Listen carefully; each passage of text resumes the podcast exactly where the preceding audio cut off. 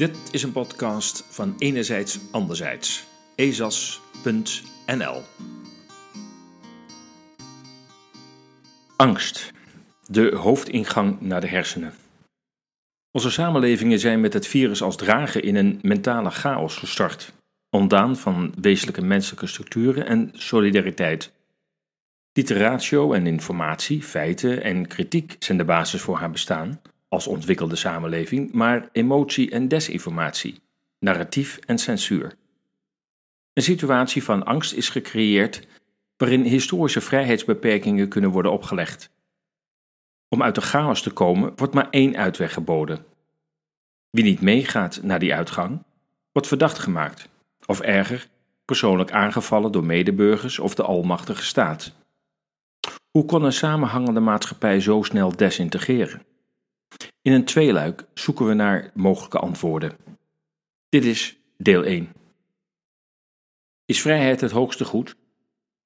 Er wordt algemeen aangenomen dat vrijheid voor de mens het hoogste goed is voor een waardig leven in zelfstandigheid. Noodzakelijk voor zelfontplooiing en zelfverwerkelijking. Mooie woorden uit de behoeftepiramide van Maslow. Maar is dat wel zo? Waar we nu al 18 maanden getuigen van zijn, is dat mensen vrijheid net even, voor sommigen veel, lager inschalen dan veiligheid. Sterker, het begrip komt niet eens voor in de beroemde behoeftepiramide van Maslow. We moeten het ermee doen dat het een noodzakelijke voorwaarde is voor de hoogste behoefte, vallend onder zelfactualisatie.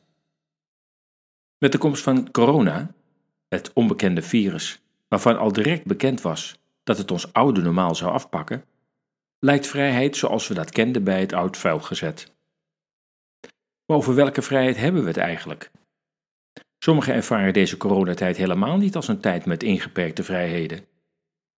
Dan moeten we toch even kijken naar de betekenis van die vrijheid. Een andere vrijheid dan ik bedoel.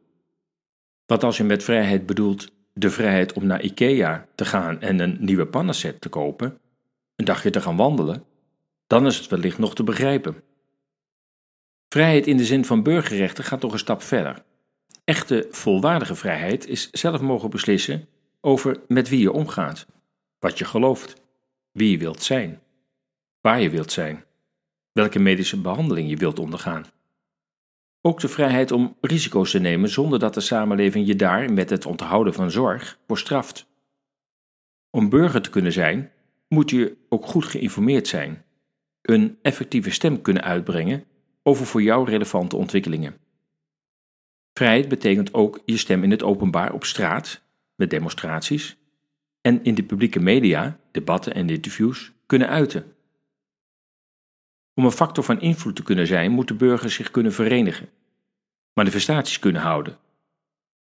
En die burgervrijheden zijn momenteel fors aangetast. Angst maakt volgzaam. Erich Fromm was een internationaal bekende Duits-Amerikaanse sociaalpsycholoog en filosoof. In 1942, in de jaren van de Tweede Wereldoorlog dus, schreef hij het boek Fear for Freedom. Hierin spreekt hij het beeld tegen dat de mens altijd strijdt voor meer vrijheid en daarmee tirannen overwon om democratieën te vestigen. Zo wordt ook de Tweede Wereldoorlog vaak verklaard als een oorlog tegen tirannie en onvrijheid.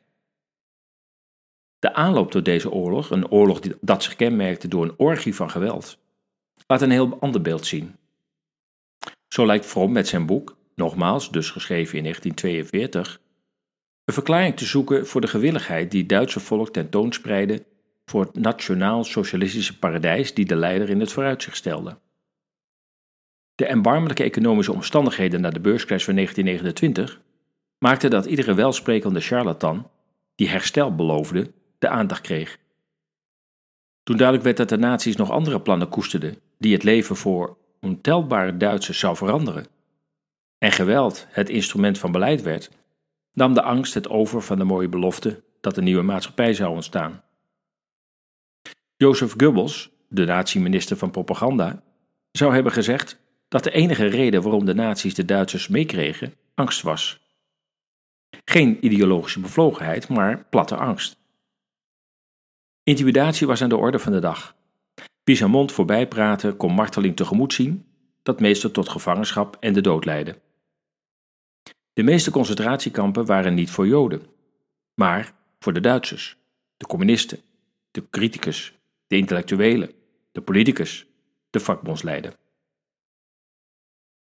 En toen kwam corona. In Nederland zou het gewillige gedrag van de Duitsers in de 1930 jaren na de oorlog lang worden geweten aan het gezagsgetrouwe karakter van de Oosterburen.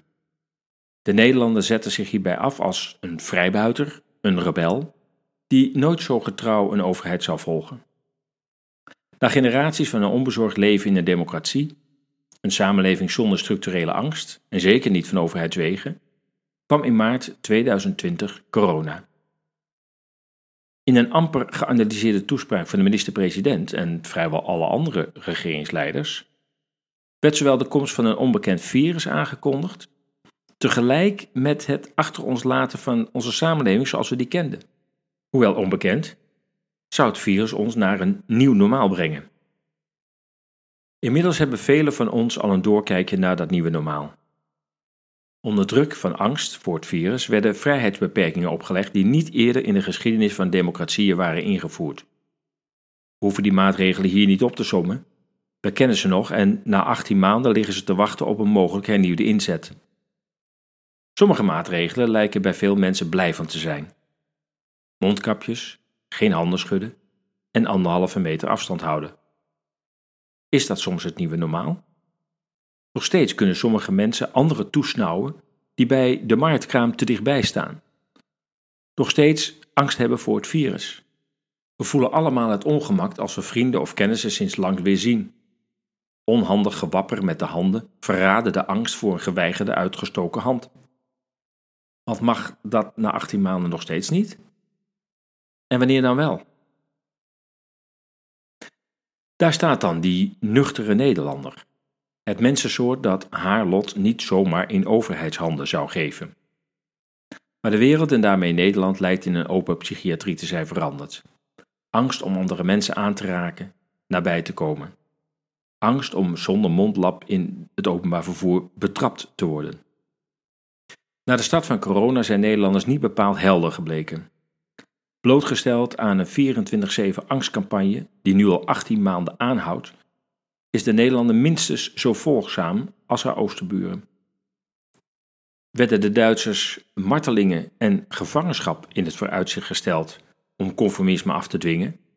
In coronatijd is een vaag virus dat met voortdurende onbetrouwbare testen wordt aangetoond al genoeg om menselijke relaties te verstoren of voor eeuwig kapot te maken. Het verklikken van spelende kinderen, aangifte bij de politie, het werd normaal in het Nederland van 2020. De politie werd afstandsmeter. Burgemeesters lieten drones los op jongeren in het park. Blauwe politieheli's bewaakten de besmettingshaarden. En vele handhavers deden hun werk met de grootst mogelijke inzet, kritiekloos de opdracht uitvoerend. Mensenrechten? Grondwet? Het leek de uitvoerders van de macht niet te hinderen. Regel is regel. Onder dwang van waanzinnige boetes afgedwongen. Hoe onzinnig die regels ook waren en nog steeds zijn. Rechters voelen de druk om geen uitspraken te doen die tegen het overheidsbeleid ingaan. In Duitsland worden rechters door de overheid belaagd als ze bepaalde coronamaatregelen ongrondwettelijk verklaren. Zo'n machtsregime trekt ook types aan die geweld als een warm bad ervaren. De Joodse psychiater Leon Goldensohn was aangesteld als psychiater in de gevangenis in Nuremberg, waar 21 nazi-kopstukken gevangen zaten. Hij sprak met een aantal van hen.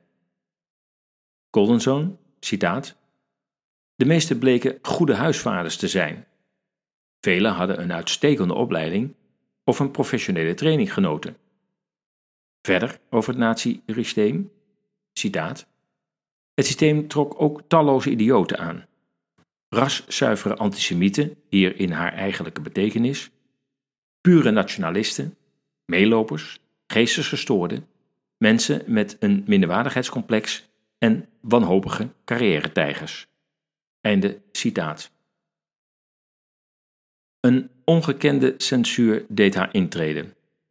Wie het officiële narratief durfde en nog durft te bevragen of te bekritiseren, kon en kan rekenen op repercussies. Wie demonstreert voor herstel van de grondrechten kan rekenen op intentioneel politiegeweld. Wie zich online afwijkend uit, kan rekenen op digitale pek en veren. In ruil voor een ongestoord terrasbezoek of een vakantie in Italië laat ook de Nederlander kritiekloos een dubbele inenting toe met een vloeistof die nog niet eerder door menselijke aderen heeft gestroomd. Kortom, als de omstandigheden ernaar zijn, angst, censuur, mediale manipulatie en repressie, blijkt de Nederlander net zo volgzaam, mogen we van Rutte alweer handen schudden, als onze oosterburen. Net zo kritiekloos, net zo naïef achter het verhaal aanlopend. Tot zover de Nederlander als held, als nazaat van de zeehelden, de Ruiter en Tromp. Dit was deel 1 van Angst als drijfveer van massaal gedrag. Deel 2 volgt.